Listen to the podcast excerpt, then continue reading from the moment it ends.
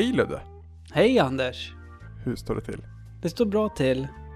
Eh, vi har kommit till slutet av våran sommarpodd special. Ja, nu börjar ju ångesten komma krypande igen. Snart ska vi Mm. göra riktig podcast igen. Ny termin står inför dörren. Nej men jag, jag är väl li- lite pepp, känner jag. Ja, för vi har ju spelat så otroligt mycket bra under sommaren som vi kan prata om. Eller? ja det vet vi inte nu, för vi, vi vet ju att det här har spelats in långt innan. Mm. Men du är sist ut i Svamppodd Sommar. Jag är ju det. Det är den sista refrängen som riktigt Mm. cementerar vilken fantastisk låt man har framfört. Ja, just det. Jag är... Jag är, jag är extra numret. Nej. Det, eh, men det kan vara så att liksom när vi har gått av scenen så, så skriker folk Ludde, Ludde och så får det komma ut. Mm. Ja, mycket möjligt, mycket möjligt. Det, det är en härlig känsla för övrigt, att, Mm. att eh, få göra det, att ha publiken skrikandes efter en. Det har jag ju varit med om några gånger, så att eh, mm, det är mysigt. Den här, den här podden handlar precis som alla andra under den här sommaren bara om dig. Den här Mm. gången. Mm. Eh, jag tänkte börja med att fråga vart du kommer ifrån och vart du växte upp någonstans. Uppland eh, är jag född och uppvuxen i. Född Uppsala, uppvuxen i Knutby. En liten eh, ort som förmodligen typ alla i hela Sverige vet vad det är för något. Jag vet ju vad det är men jag vet inte vart, liksom vart det ligger eller vad som är speciellt förutom den händelsen. Det ligger ut eh, mot Roslagen va? Tillhörde faktiskt en gång i tiden Stockholms län. Gjorde det. Eh, så att det ligger liksom på gränsen där. Norrtälje eh, ligger nära. Det kanske folk vet vad det är för något. Sen Roslagspigg tror jag. Roslagspigg tror jag det kallas. Rospiggarna heter ju speedwaylaget som eh, huserar i Hallstavik som låg, eller ligger några mil ifrån Knutby. Okej. Men du säger att du föddes på ett ställe och växte upp på ett annat. Mm. Jag flyttade ut till Knutby. Eller jag ljuger när jag säger att jag är uppvuxen i Knutby. Jag är uppvuxen i Bladåkersby. En mil utanför Knutby. Och det kan inte bli mer landet än så. Jag har på riktigt hoppat eh, på, i hö, i lador, när jag har varit barn. Liksom på somrarna. Det var det man gjorde. När man lekte då liksom. Och hade skogen precis runt hörnet. Eh, väldigt idylliskt faktiskt. När du sen gick i skolan då, eh, hur, hur var den tiden så att säga? Vilken roll hade du i, i klassen och på, på skolgården? Mm, ja, låg och, och eh, mellanstadiet. Mm, då var jag väl... Alltså, det låter så, det låter så jävla dumt när man säger det, men då var man väl en av de här... Alltså, I'm a popular... I'm a... Nej men alltså, jag var ju en...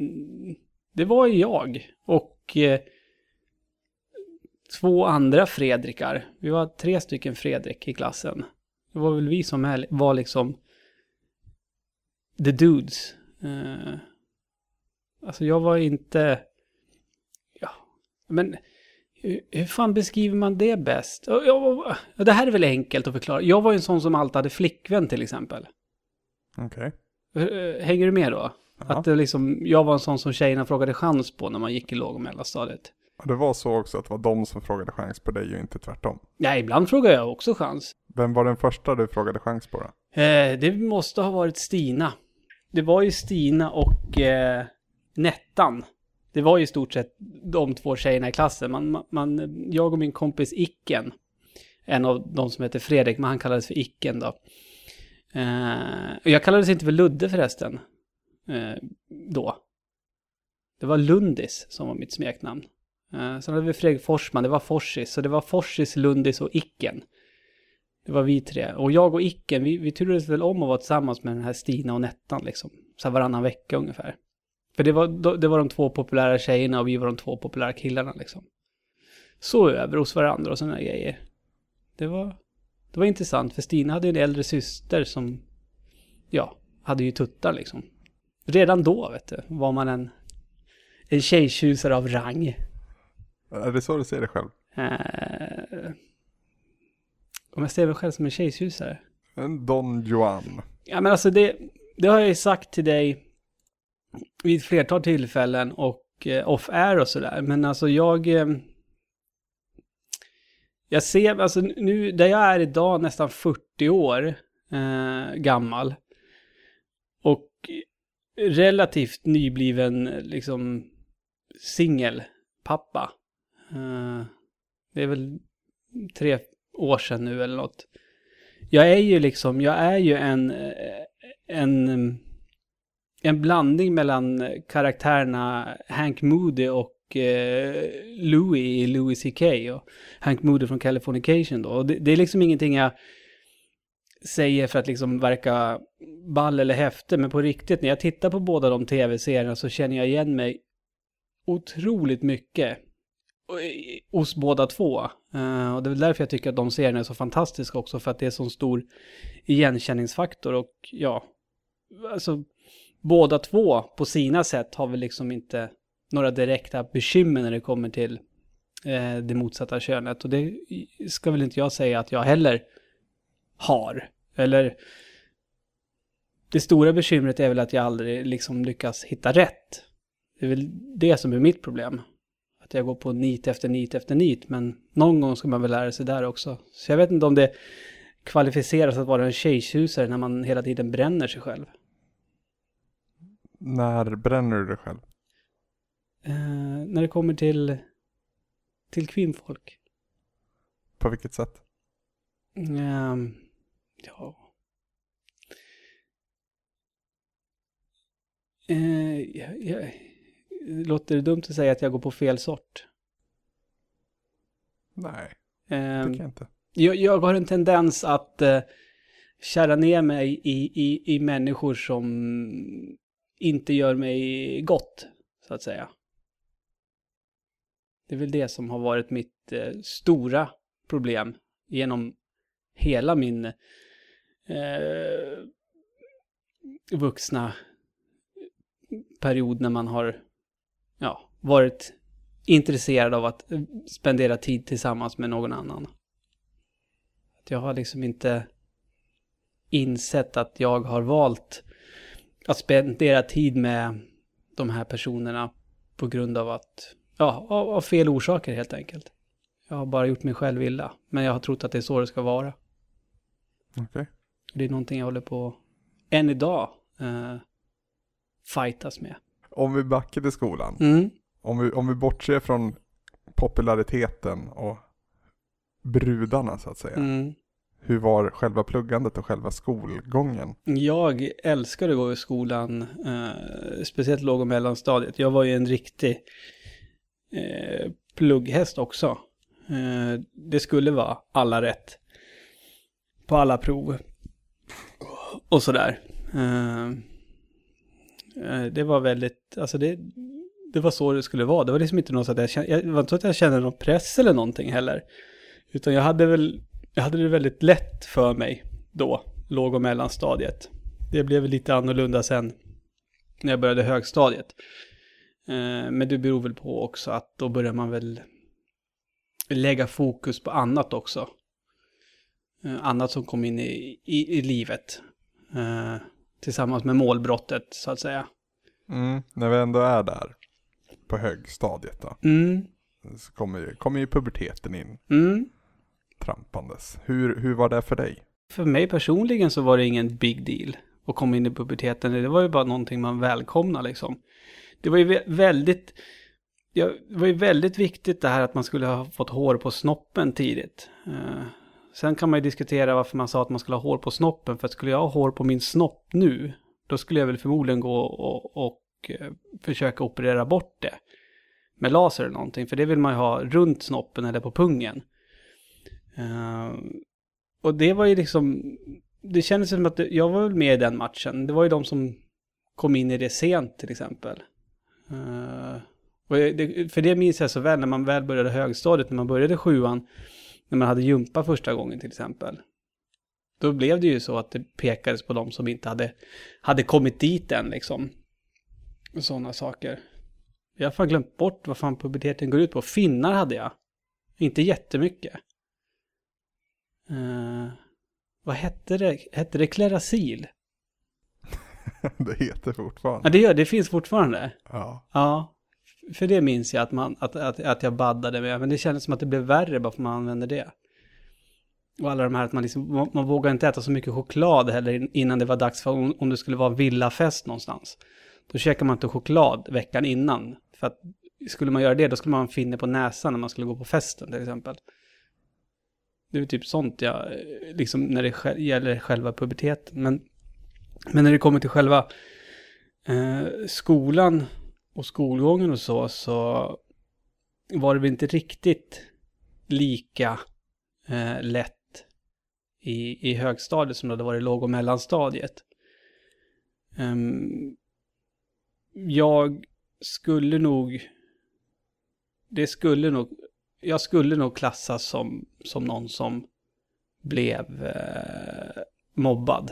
Eh, för det jag utsattes för, det var ju, det var ju mobbing, mobbning, men det var ju, jag är ju, jag är ju den jag är och liksom jag hade ju mina, mina polare och sånt ändå. Det var inte så att jag var liksom den här eh, ensamma och utstötta killen, utan det var ju det att det var de äldre eh, killarna, killarna som gick i nian, liksom, som jag hade några tuffa år där, eh, när de var på mig väldigt, väldigt mycket.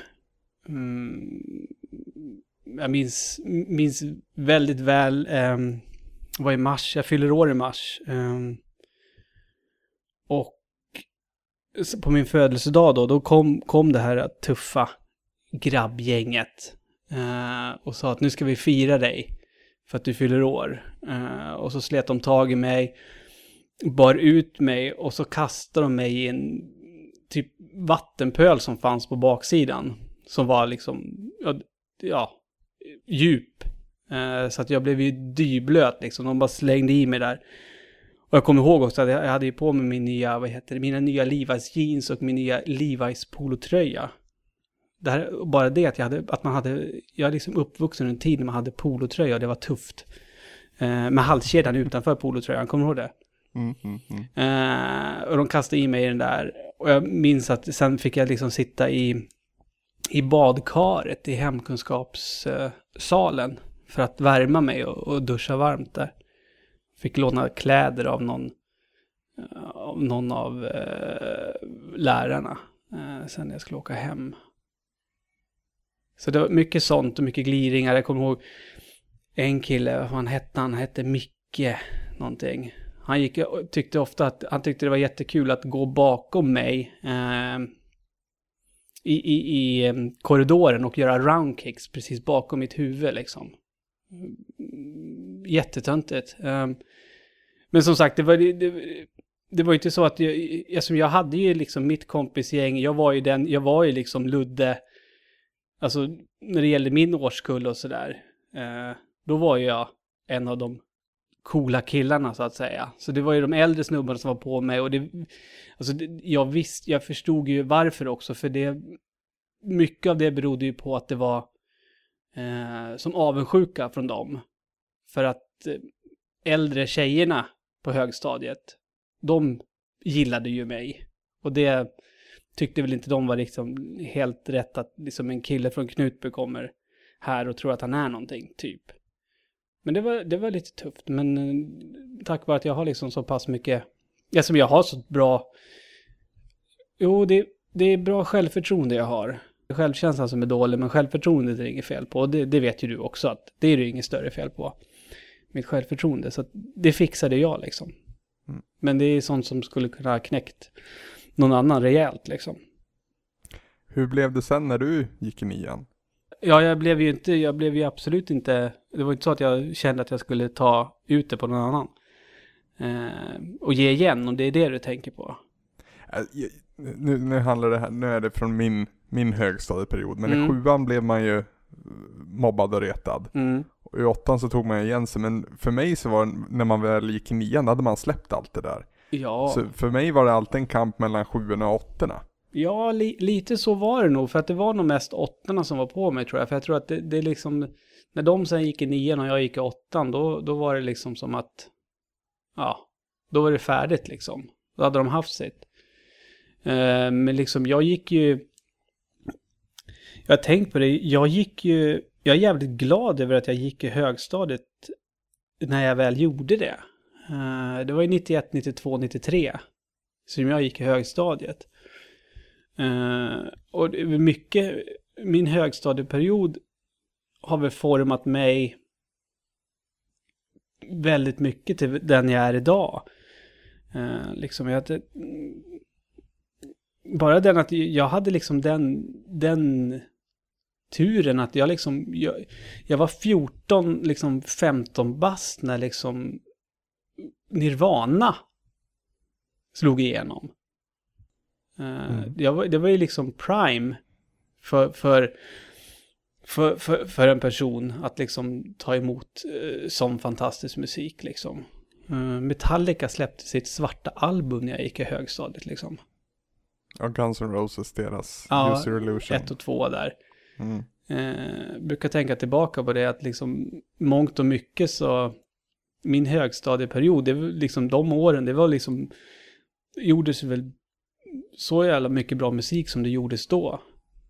Görs det väl typ på, tar det väl tre år att det ska göras nu känns det som. Nästan. Rage Against Machine. Det är hur mycket som helst som kom då. Du säger att du är glad att du gick i högstadiet för att det har format dig och ditt liv. Mm. När kom du på vem du ville vara och vad du ville göra med ditt liv? Eh, det har jag nog inte kommit på än tror jag. Faktiskt. Det känns som att det har varit... Eh, det har varit bananskal eh, hela tiden som har lett mig till eh, de... Där jag är idag. Um, jag menar, jag hade ju... Jag men, när jag gick i, i högstadiet, när det var dags att börja välja gymnasiet, då var jag helt inkörd på att... Eh, jag var, hade ju bestämt mig, jag skulle bli kock. Så jag skulle ju gå hotell och restauranglinjen inne i Uppsala. Det var liksom, det bestämde jag redan i åttan, att så är det. Men då, eh, i nian så fick man åka och besöka alla gymnasieskolor. Eh, För att, för att se vad de har att erbjuda. Och även fast man inte var intresserad så åkte man och besökte alla för det innebar att man slapp en dag i plugget liksom. Eh, och då var det så att jag åkte ju till en nystartad då gymnasieskola i Uppsala som hette Grafiskt utbildningscenter. Eh, och hade väl ingen riktig koll på vad det innebar. Eh, men det visade sig att det var ju, det kunde man läsa tryckmedia, information och reklam, journalistik eh, eller radio och television. Och grejen var den att jag under högstadiet eh, då hade jag och eh, de där två Fredrikarna från låg och mellanstadiet, vi hade ju e, eget filmbolag i, i högstadiet som hette GAM. Som var förkortning för Good Adventure Movie Makers. Eh, och vi gjorde, vi producerade egna filmer eh, på helgerna. Som vi sen hyrde ut i, i kafeterian på, på skolan. Så det var ju ett stort intresse att hålla på med sånt. Och då när jag var på besök på GUC och det visade sig att gud, jag skulle kunna gå gymnasiet och, och, och hålla på med det här. Så då, då blev det liksom, ja, kockdrömmarna bort. Och så nu ska jag jobba med tv istället. Mm, men eh, det är ju inte det lättaste att få jobb inom det. Så att, Fast du eh, har syns på tv. jo det har jag. Eh, jag har haft Om vi mina... hoppar lite i tiden. Ja, jag har haft mina 15 minuter. Jag var ju med i, i eh, uppföljaren till succén på rymmen. Där Yellow Heavy blev otroligt populära. Men det kom ju en uppföljare sen som hette Position X. Fortfarande med Martin Timell som programledare. Och det var samma upplägg att eh, det var kändisar som jagade rymmare. Eh, men hela den här telefonkioskbiten som var på rymmen, att de hade gömt sin telefonkiosk. Och det var där det slutade, det var ju borta, utan det var tittarna som fick rösta varje vecka vilket par som skulle åka ut. Eh, och så var det det här, då var ju mobiltelefonen lite, lite hetare än vad det var när det var på rymmen. Så då kunde man ju, tittarna kunde ju skicka sms och få positionering så de visste var alla rymmarna höll hus och sådär. Och kunde följa det hela tiden om man så ville. Eh, och det, det blev väl också en, en, en det var, väl, det var jätteroligt och hade jag varit lite smart så skulle jag ha haft eh, Expressen framför mig nu. Eh, för eh, tv-krönikören där skrev då och nämnde att eh, eh, ja, dels efter första avsnittet så var det jättenära att jag och min eh, kompis då som jag rymde med, Stoffe, att vi inte kom med av de tio som skulle få vara med sen då framöver. För första avsnittet spelades in långt innan och vi visste själva inte om man hade kommit vidare eller inte. Eh, men det gjorde vi och då, då, skrev han i Expressen i sin tv-krönika där att TV4 var nog riktigt glada över att eh, Ludde och Stoffe inte åkte ut för de, än så länge så verkar de vara enda behållningen med det här programmet. Eh, och sen var vi ute och rymde en vecka men vi blev utröstade efter en vecka. Eh, vilket vi blev förvånade över eftersom det hade varit så mycket bass om, om oss innan. Att, att vi var så populära. Eh, men då visade det sig att eh, när vi åkte ut, eh, det var tredje veckan som det här programmet hade pågått. Då, och, och på riktigt nu, jag ljuger alltså inte. Jag gör, det här är helt sant. Då dalade eh, tittarsiffrorna för programmet. Eh, och det här var nu ska vi se, 2003 kan det här vara. 2002 var det nog. Eh, och eh, det här var precis när jag skulle påbörja min lärarutbildning. Så jag missade första veckan på, på högskolan på grund av det här. Men sen så började jag plugga. Men sen ringde de från TV4 och frågade om jag och Stoffe inte vill komma tillbaka till programmet och då vara spanare så att säga. Och jaga då de som rymde. Eh, och det har de liksom aldrig gjort förut liksom, vi hade blivit utröstade och sådär, men de, de var tvungna, de ville ha med oss i programmet igen. Och det tackade vi ja till och det var liksom, det var producenten och sånt jätteglada över att vi gjorde för att det räddade produktionen. Att vi var med sen igen. Så det är lite häftigt. Mm. Men det är väl det och sen så har jag ju faktiskt eh, tillsammans med Kerstin Alex och Susanne Möller och Mikael Gill bland annat tagit fram en, ett koncept för ett nytt barnprogram eh, som, för SVT. Så vi spelade även in en, ett pilotavsnitt av det. Eh, barnprogram om tv-spel. Mm, där jag var programledare. Men tyvärr eh, så blev det inte mer än en pilot. Så det är väl det jag liksom har kan säga att jag har gjort som har någonting att göra med min gymnasieutbildning. Om vi backar dit då mm. till gymnasieutbildningen. Hur var det den tiden? Eh, De tre åren. Eh, väldigt, väldigt slappt. Eh, alltså, eh, det här var ju, det, var ju, det, det, här var ju mitt, alltså det, jag gick i gymnasiet när liksom det här med ironisk generationen, Killinggänget, Hassan, allt det hade liksom sin storhetstid. Så det var ju liksom den mentaliteten vi hade också på, i, i plugget liksom. Ehm, jag hade ju skitroligt. Ehm, struntade i stort sett, för då, då var det uppdelat så, så att vissa dagar då var man på grafiskt utbildningscenter och gjorde det man ville göra. Det vill säga larva sig i radiostudion eller i tv-studion. Sen vissa dagar i veckan då skulle man vara på Lundellska skolan och ha liksom religion, matte och sånt där. Eh, och de dagarna så, ja, var man där så gjorde man väl inte speciellt mycket. Eller så liksom skolkade man och så drog man till GUC istället och larvade sig i någon studio. Så det var liksom väldigt slapp, slappt var det liksom. Och det var mycket festa eh, och sådär. Bara en sån sak, eh, det tog sig bort efter ett tag, men jag, jag, vet inte hur de hade tänkt det, men de hade ju, på GUC så hade de, som man har på många sådana här äh, skolor och sånt, eh, plastblommor. Eh, men grejen är den att det, de här buskarna som var på, som de hade på GUC, de eh, bladen, det var ju liksom det var marianablad på dem. Eh, Det såg exakt ut som marianablad som de hade på, på de här plastbuskarna. Och det är väl liksom, det, det är väl ett bra sätt att summera liksom GUC på. Okej. Mm. Om vi då hoppar framåt i tiden igen. Mm. Hur ser ditt liv ut idag?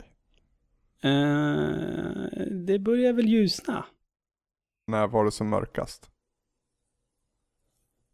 Som mörkast var det, det är det, men nu, nu är det jag och, och ska räkna med, räkna. Eh, Du behöver inte ange något speciellt år utan beskriv snarare förhållandet så att säga, eller situationen. Jo, men det, det var inte så länge sedan. Det var som mörkast eh, innan jag... Eh, innan jag fick... Ja, är det tre, fyra år sedan? Så eh, på grund av omständigheter i mitt liv så fick jag ju hoppa på någonting som kallas för medberoendeprogrammet. Eh, och fick gå och lära mig, eller jag, jag, jag fick upp ögonen och insåg att jag är en eh, lider av eh, medberoende. Jag är en medberoende person. Eh, och, Vad innebär det?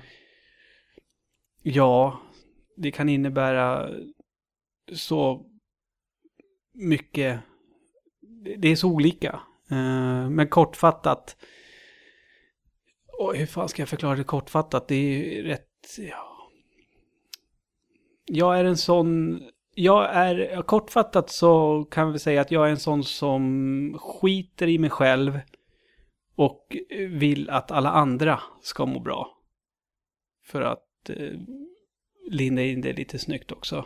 Det är mycket mörkare än så, det låter inte så mörkt, men det är inget sunt sätt att leva på. Uh, jag fick ju leva, lära mig att uh, den viktigaste personen i mitt liv, uh, det är ju jag. Mår jag bra så mår människor omkring mig bra. För att mina barn ska vara lyckliga och glada, då måste deras pappa må bra. Och för, och för att jag ska må bra, då måste jag se till att ta hand om mig själv. Eh, och, inte, och, och sätta mig i första hand. Och inte... Det, vikti, det, det viktigaste för mig, det viktigaste är inte att de runt omkring mig mår superbra. För att det kan de aldrig göra om inte jag gör det. Okej.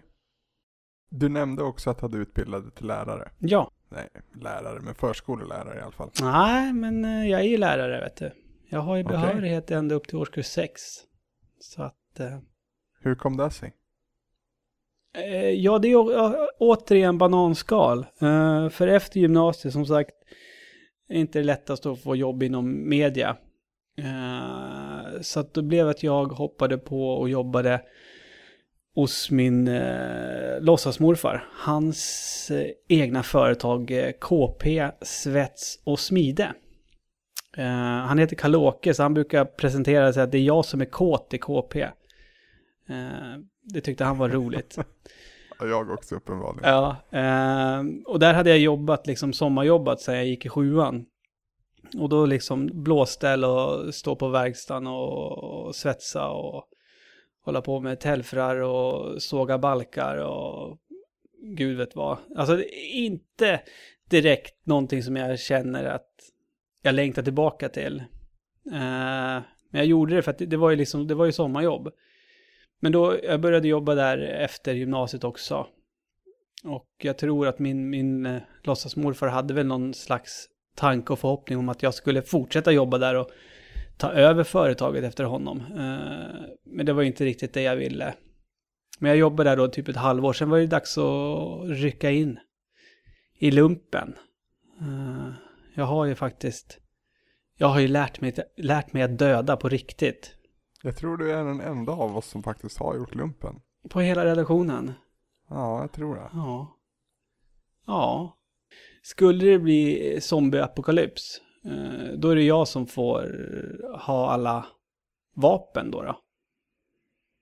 Eftersom jag är den enda som är utbildad. Ja, och så är du ju utbildad pedagog också så du kan ju lära ut då. Ja, det kan jag, precis, det kan jag göra. Eh, jag, var, jag var faktiskt snabbast på, på, på, var det plutonen? Eller kompaniet? Vad fan är skillnaden? Kompani är stort, plutonen måste det vara. Ja, i alla fall. I, i min grupp i alla fall, att eh, ta isär och sätta ihop AK5. Det är du. V- vad det nu ska vara bra till. En fiende kommer bara, passa dig. Och så tar man isär skitsnabbt och sätter ihop den jättefort och sen skjuter man dem.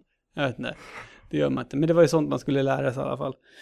Var det kul att göra lumpen? Eh, alltså, lumpen är det är verkligen så här att när det blir att man ska prata lumpen, alltså det enda, det enda man pratar om det är allt det här roliga man kommer ihåg. Eh, alltså grejen var ju den att jag, jag minns ju än idag jävla ångest jag hade första dagen. När, när, när man kom dit och så när man fick sätta på sig uniformen och allt. Alltså stod en kall jävla, ryckte in i november, en kall jävla hangar. Och fick liksom lägga civila kläderna i en påse och så fick man eh, liksom arméns kläder och sätta på sig. Och sen liksom bara hoppa upp på en jävla lastbilsflak. Ingen aning vad man skulle göra. Bara satt där och frös och sen efter kändes som flera timmar så stannade lastbilen så bara ja, 100 meter den riktningen ligger tältet, där ska ni sova i natt. Och man bara, vad fan. Och typ man känner ingen och liksom, det var jättekonstigt. Och jag minns att jag låg, när vi gick, och- alltså när man väl la sig på liggunderlaget i tältet, jag var så jävla skitnödig. Och så jävla skitnödig. Det var ju en sång, det var det jag hade haft så här mycket ångest över. Eh, att jag liksom så här, hur fan ska det gå och liksom bajsa? Jag ville sitta på en toalett och läsa Kalankas pocket. Eh, men jag kommer ihåg att jag var tvungen att gå upp och skita där mitt i november, natten. Och liksom på en... Och i, men det, det var inte så här mitt fritt ute i skogen, utan det var, de, det var liksom en tunna. Som det fanns en sittring på. Och jag kommer ihåg när, när jag satte mig på den, att det var is på den, att jag gled. Och så jävla kallt. Och fy fan vad jag saknade min mamma då. Jag kommer ihåg jag kollade på klockan det jag var fyra på morgon. November. Och sitta och bajsa. Eh, men eh, nu liksom så kan jag ärligt säga att jag kan ju, jag kan ju bajsa var som helst. Utan problem. Efter, efter lumpen liksom.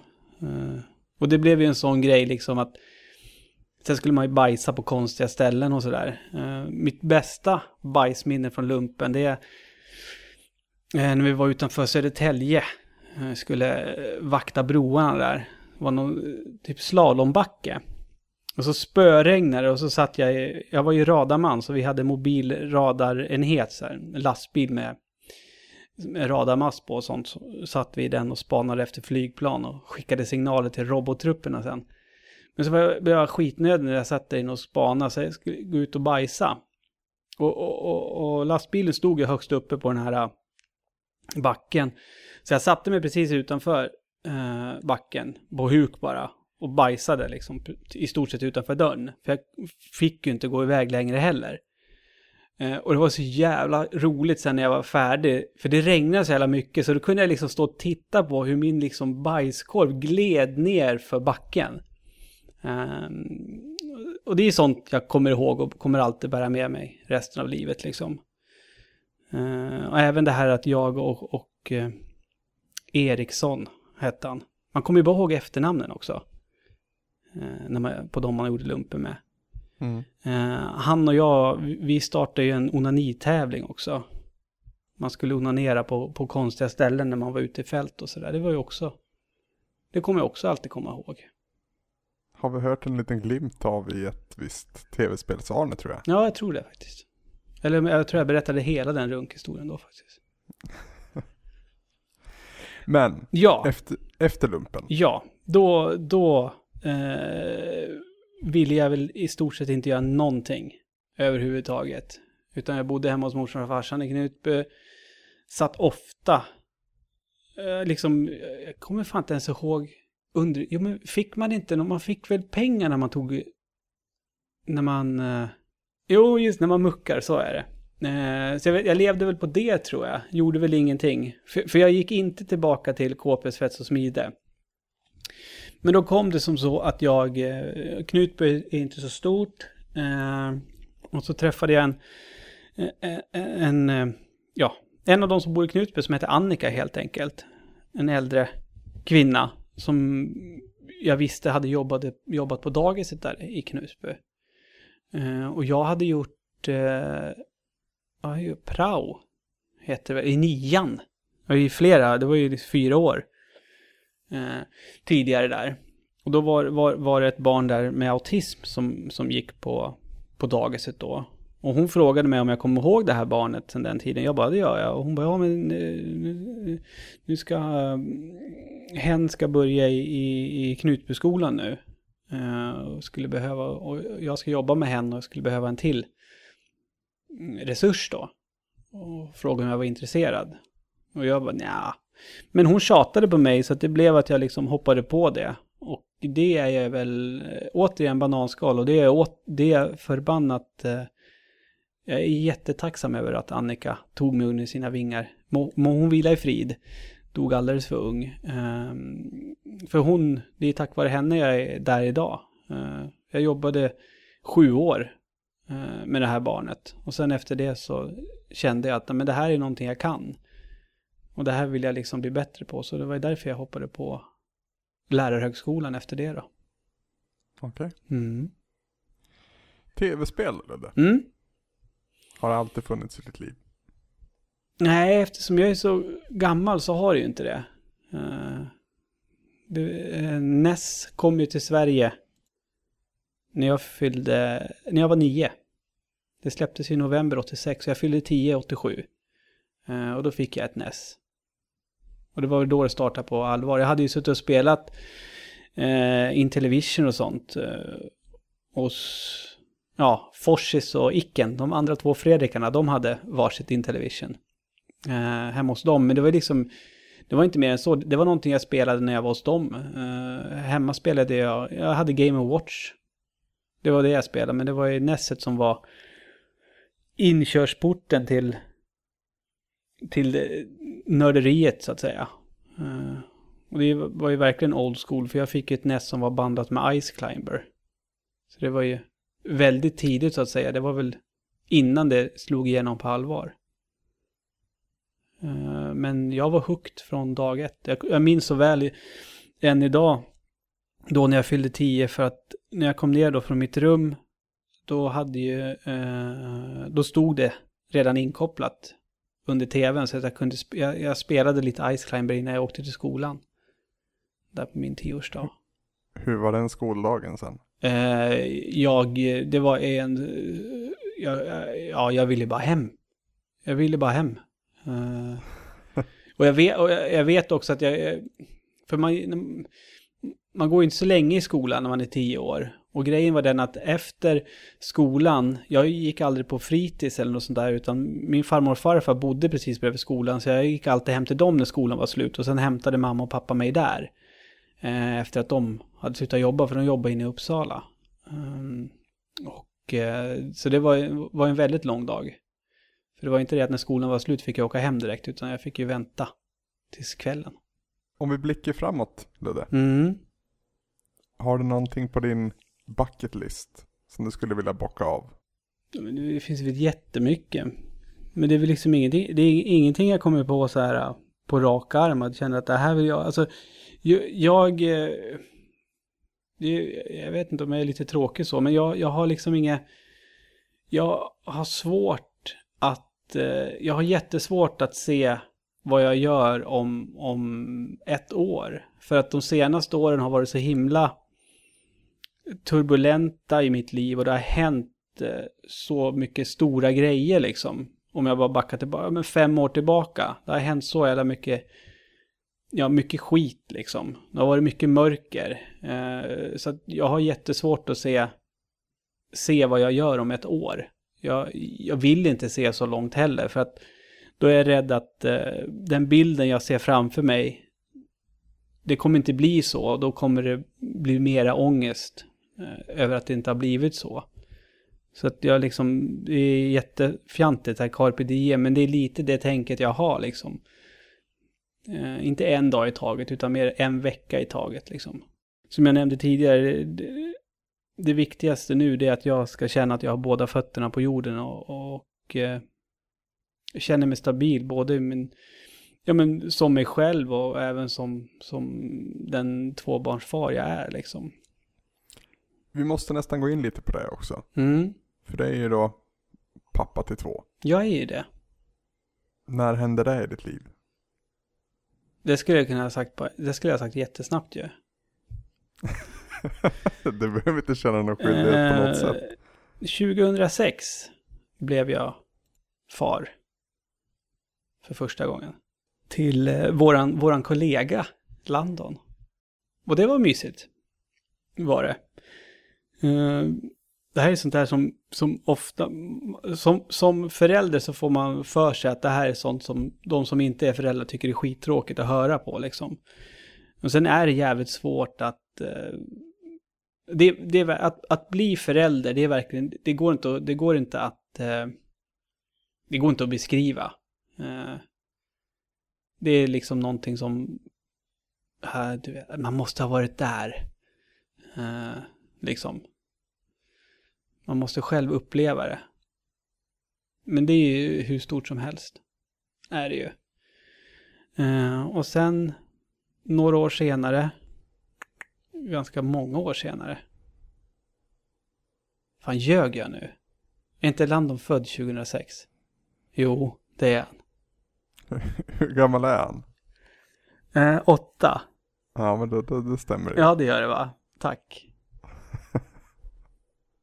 Ja, just det. 2010, då, då, då kom, kom eh, lilla Zelda till världen. Och det var väl även det året för att faktiskt försöka knyta an lite till tv-spel eftersom det brukar handla om tv-spel. Det var väl även då i knutarna som svampriket hade startat också. Mhm. Mm. Har jag rätt då? Det är riktigt. 2010 så lanserades svampriket i sin första form. Exakt. Typ kanske exakt en, en eller två månader efter att eh, Zelda hade fötts.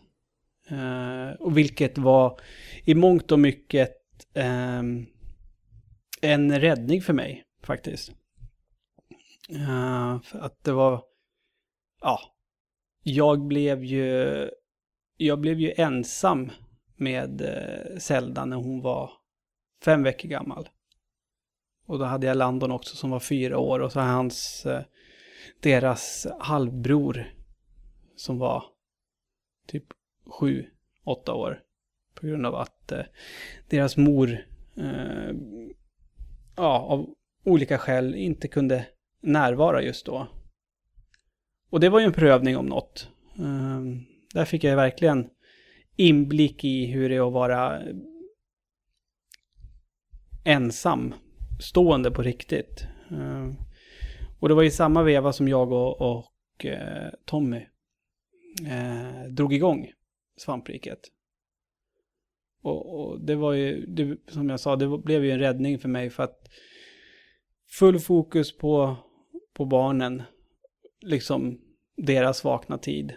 Sen när de, eh, när man väl hade fått dem till säng så ersättning var istoppad och allt sånt där. Då, då kunde jag sätta mig ner framför datorn och eh, greja med svampriket. Och det var så skönt att ha någonting annat och bara stänga av eh, allt det jobbiga som skedde då liksom i mitt, i mitt liv. Och bara få ägna mig åt, eh, åt någonting som jag tycker är riktigt roligt. Är det fortfarande roligt idag? Det är ännu roligare idag. Eh, för nu, nu, eh, jag är liksom, det är skönt att jag är, jag är inte beroende av svampriket. Jo, det är jag. Men inte på det sättet, för då var det liksom som, alltså, helt krasst. Istället för liksom så här, döva smärtan med, med sprit eller någonting annat så gjorde jag det med, med tv-spel istället. Mm. Men nu, jag menar, det där var, och det var, till i början, det, det var ju liksom, och det var ju mest på skoj också, men nu, jag menar, jag ser ju mer och mer, jag, jag, ser, jag, ser, jag ser det som att jag har ju liksom två jobb. Jag jobbar ju som förskollärare, Men jag är även redaktör på Svampriket. Även fast vi liksom, ja, i stort sett betalar för att göra det vi gör. Så känns det ändå som att det är liksom, att jag jobbar med det. Ehm, och det, det känns skönt på något sätt. Att man har kommit dit. Även fast, eh, alltså folk kan ju tycka att dum i huvudet får inte betalt för det. Men det spelar ingen roll för att jag tycker att man, jag får så mycket annat än liksom rena cash. Uh, från, från svampriket. Både från er, ja med mina kompisar Uh, på, i redaktionen. Men sen liksom allt positivt man får ifrån våra läsare och lyssnare. Det är liksom, det gör ju att man bara gasar och kör på ännu, ännu mer liksom. Mm. Vi ska försöka runda av Ludde. Mm, Det- Vi har ett par sådana här avslutande frågor. Det, tiden har gått väldigt fort känner jag. mm. Det, är också ett stort liv vi har täckt. Ja, precis. Jag är ju så jävla gammal. Till skillnad från, jag menar. Linus avsnitt, det kanske blev tio minuter långt eller någonting liksom.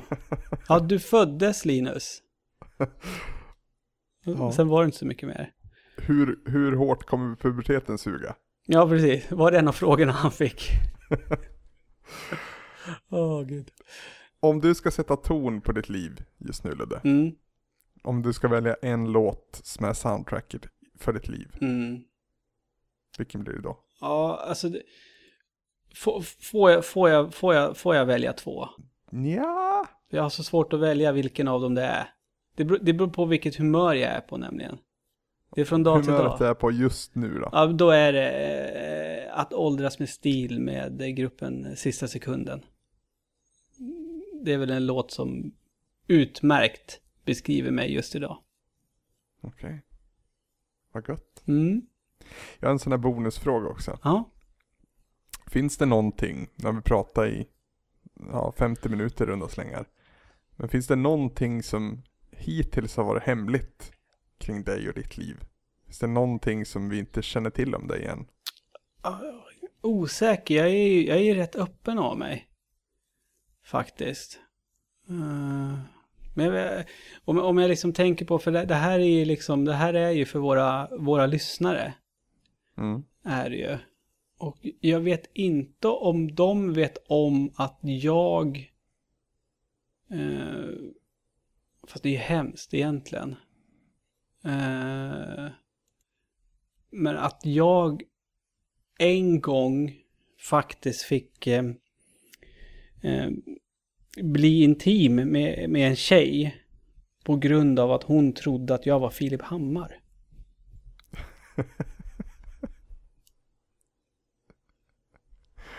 Hur, hur långt tog det där? För långt. Ja, det, var, det var ingenting jag kände till. Nej. Så att, eh, ja, det, det, det var en bra hemlighet. Ja, jag, jag kan berätta mer ingående för dig sen när vi ses. Ja, tänk vad du snuver våra lyssnare nu på. Ja. Intressant berättelse. Jo, men jag vill att de ska ha en relativt bra bild av mig i alla fall. Okej, det är skitsamma med mig. Ja. Du Ludde, Mm.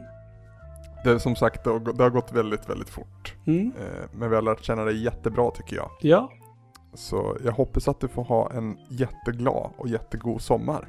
du med Anders. Så, så hörs vi igen till hösten. Det gör vi. Hej då Ludde. Hej då Anders.